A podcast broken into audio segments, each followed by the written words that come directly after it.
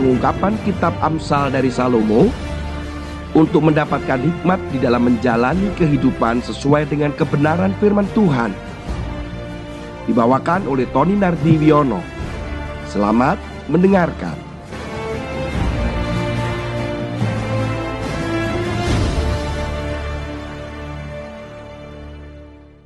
Apakah dengar saudara dengan perceraian yang ternyata di dalam masa-masa seperti ini perceraian amat sangat meningkat. Di dunia saja, masa-masa seperti ini ternyata pernikahan itu menjadi sesuatu masalah karena perceraiannya meningkat. Seperti contoh adalah di Inggris, di mana perceraian meningkat 12%, sementara Amerika Serikat 34 persen dan itu pun 20% di antaranya adalah mereka yang menikah belum sampai lima bulan. Demikian pula di Cina, di Swedia, begitu banyak peningkatan angka perceraian. Dan siapa yang mengajukan perceraian itu di seluruh dunia dengan rata-rata 76% perceraian itu diajukan oleh pihak perempuan. Dan itu mengalami peningkatan sejak tahun 2019. 2019 cuma 60 persen yang mengajukan perceraian itu oleh pihak perempuan dan ternyata peningkatan itu terjadi di tahun 2020. Dan ini signifikan dengan apa yang ada di Indonesia ternyata. Indonesia ternyata pengajuan gugatan perceraian itu diinisiatif oleh pihak perempuan dan itu mencapai 80% di tahun 2020 kemarin. Indonesia sendiri mencatat dari Badan Statistik dan beberapa lembaga kementerian keagamaan bahwa pernikahan yang ada di Indonesia 25 persennya itu mengalami perceraian. Ini suatu keadaan yang cukup memprihatinkan dan permasalahannya di mana, Saudara? Ternyata perceraian itu disebabkan oleh faktor ekonomi. Hal tersebut disampaikan oleh seorang ahli yang menelitinya sejak Perang Dunia Pertama. Dan apakah benar demikian? Karena faktor ekonomi kemudian merambat kepada harmonisasinya sebuah keluarga, kemudian terjadi tuntutan dan perceraian tersebut. Saudara, bagaimana dengan yang ada pada saudara dan saya hari-hari ini? Sementara firman Tuhan katakan kita tidak boleh perceraian itu ada di dalam perjalanan sebagai suami istri. Firman Tuhan di dalam Amsal pasal yang kedua ayat yang ke-17 dan 18. Demikian firman Tuhan. Yang meninggalkan teman hidup masa mudanya dan melupakan perjanjian Allahnya. Sesungguhnya rumahnya hilang tenggelam ke dalam maut jalannya menuju ke arwah-arwah. Saudara, walaupun ini melambangkan perempuan yang jalang, perempuan yang asing, tetapi sebenarnya saya mau memfokuskan ini bahwa bagaimana keadaan keluarga ketika terjadi yang namanya meninggalkan teman hidup. Artinya itu adalah perceraian. Kemudian dilanjutkan dengan melupakan perjanjian dengan Allahnya. Ini berbicara tentang perjanjian. Ada dua hal bagaimana kita diperingatkan bahwa setiap keluarga jangan pernah sedikit pun kita berpikir tentang perceraian. Kadang dalam sebuah pertengkaran, dalam sebuah konflik yang ada di dalam keluarga, perceraian itu adalah kata-kata yang menjadi ancaman. Lebih baik bercerai, cerai saja. Biasanya muncul demikian. Berapa banyak suami ataupun istri, lebih banyak istri yang melakukan hal itu. Dia mengatakan cerai, cerai, cerai. Karena tuntutan perceraian memang ternyata 80% itu adalah perempuan. Ketika perceraian itu menjadi ancaman, maka ini bisa menjadi sebuah tindakan dan suatu aksi nyata bahwa akhirnya bercerai. Saudara, demikian pula dengan perjanjian. Bahwa perjanjian yang pernah diungkapkan di depan Tuhan, di hadapan Tuhan, itu menjadi yang diingkari. bahwa pernah berjanji di hadapan Tuhan susah maupun senang, walaupun sakit maupun sehat akan tetap mencintai dan itu di hadapan Tuhan bukan main-main. Berapa banyak yang mengkhianati perjanjian di hadapan Tuhan itu? Saudara, saya banyak menemukan keluarga-keluarga dengan ancaman perceraian maupun mereka yang sudah bercerai. Ketika ancaman perceraian itu terjadi, maka yang terjadi adalah kebencian, kejengkelan dan sedikit-sedikit mereka akan bercerai. Dan bahkan mereka sudah terpisah secara emosi.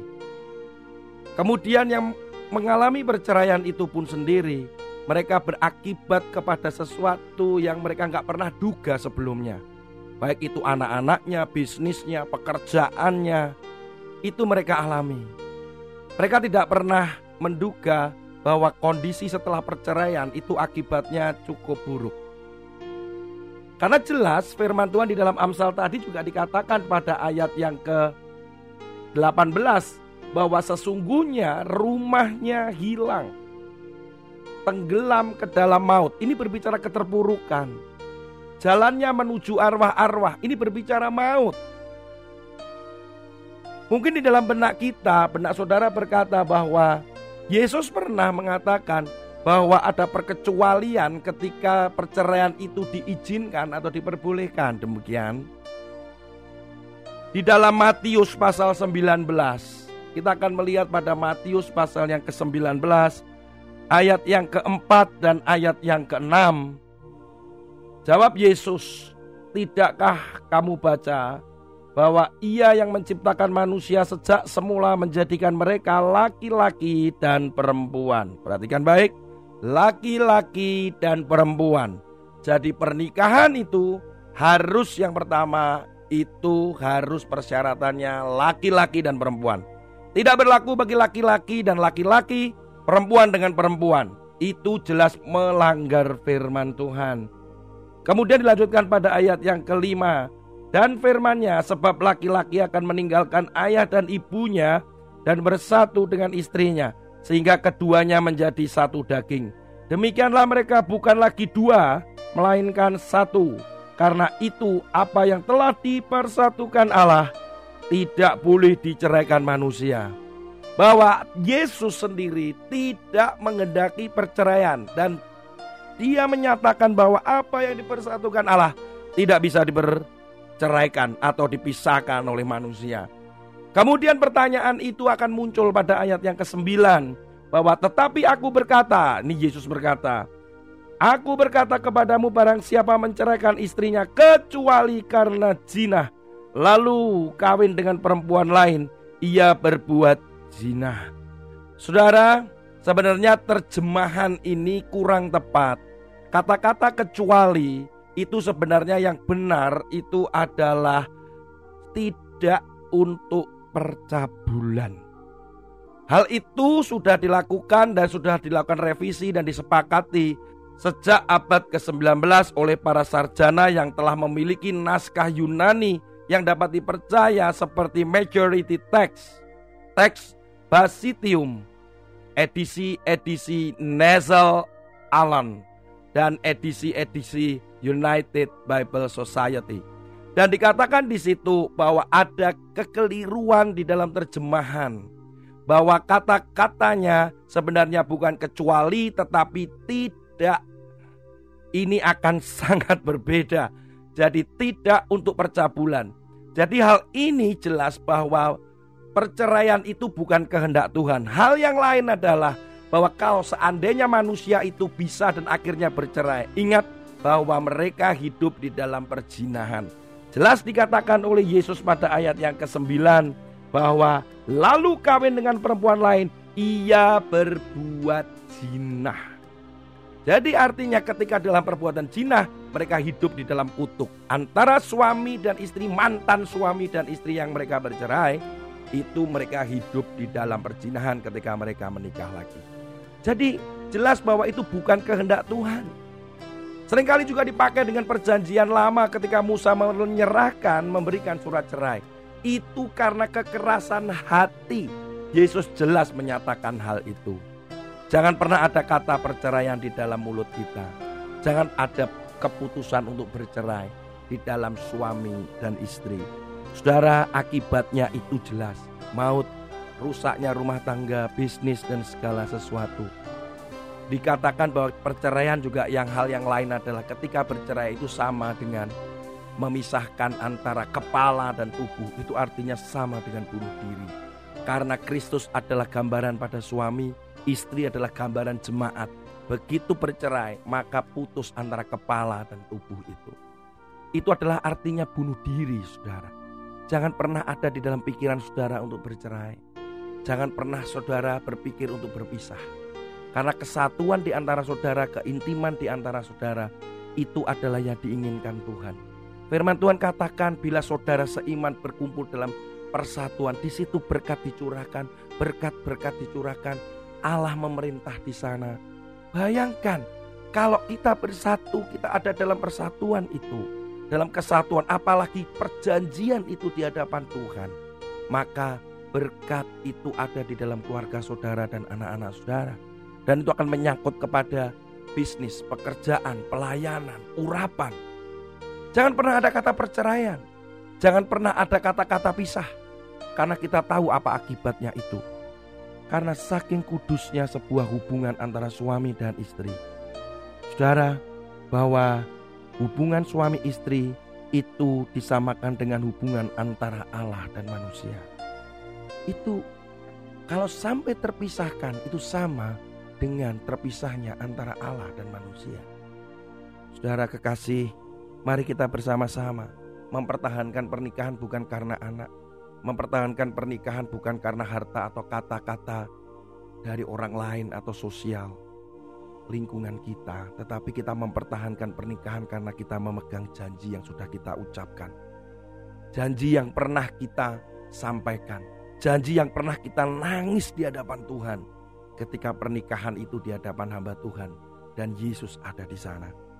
Mari kita sama-sama, mari kita bangun bersama-sama, mari kita berjuang bersama-sama. Tidak ada perceraian, yang ada adalah kesatuan. Karena di dalam kesatuan di situlah ada Tuhan di tengah-tengah keluarga saudara. Mari kita dengarkan lagu ini. Tuhan Yesus memberkati.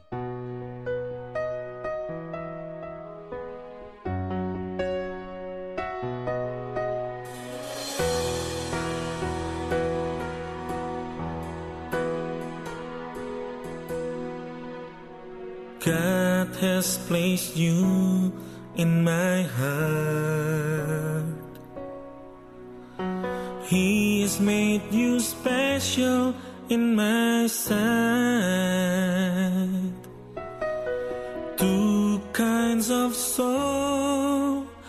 Called for one purpose to glorify and magnify His name. But the differences between us make it hard to go on. And we thought our dreams, our hope were almost ended.